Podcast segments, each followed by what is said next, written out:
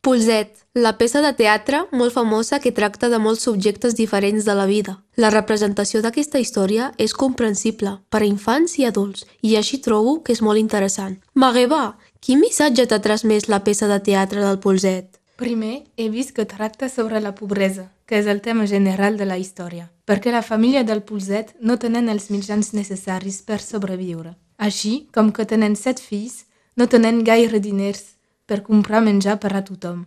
Aquesta situació no es troba només en contes, sinó també a la vida real i representa encara una desigualtat en la nostra societat. Havies vist que tractava de l'abandó també, Sara? Sí, ja que la família no tenia una altra opció, llavors decideixen abandonar els seus fills en el bosc. Malauradament, és una causa per la qual no podem fer res, que té per a conseqüència d'un costat que el nen polset s'espavila tot sol i que esdevé més madur per la seva edat. D'una altra banda, pot tenir repercussions sobre la seva vida futura, a causa d'aquest traumatisme que ha viscut. Sí, clar, és un veritable traumatisme. De fet, els traumatismes de la infància tenen conseqüències sobre la salut física i mental fins a l'edat adulta, perquè és un xoc per a un nen petit de viure aquestes coses. Tanmateix, hem vist en la peça que el Pulset aconsegueix millorar la situació i trobar solucions ràpidament. Què et va semblar, Sara? Evidentment que el més espavilat d'aquests set germans és el més petit. Normalment tenim una idea que el més petit dels germans és el més feble. No és sempre cert, perquè d'una manera sí que és el més feble per la seva condició física, però no mentalment. En aquest cas, en Polset mai va dependre d'algú.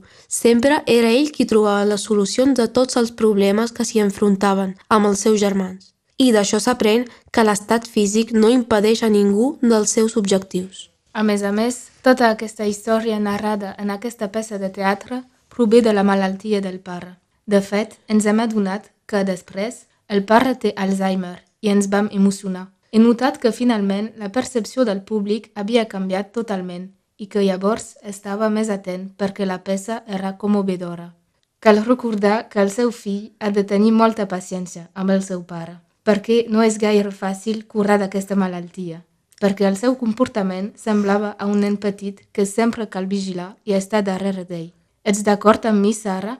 La peça era ple de girs i voltes. Quina emoció et va transmetre? Sí, i per acabar diria que la peça era molt especial. La veritat és que no esperàvem que hauria tots aquests missatges que ens transmet i tanta profunditat com els personatges han influït la nostra història del polset en una escena que pot ser de la vida quotidiana i fent servir els materials d'una habitació per fer-nos arribar tota una gran història. Es veu que és un gran treball i que està ben preparat ja que la manera com actuen els personatges sembla molt natural i així doncs ens van fer apreciar encara més de l'obra.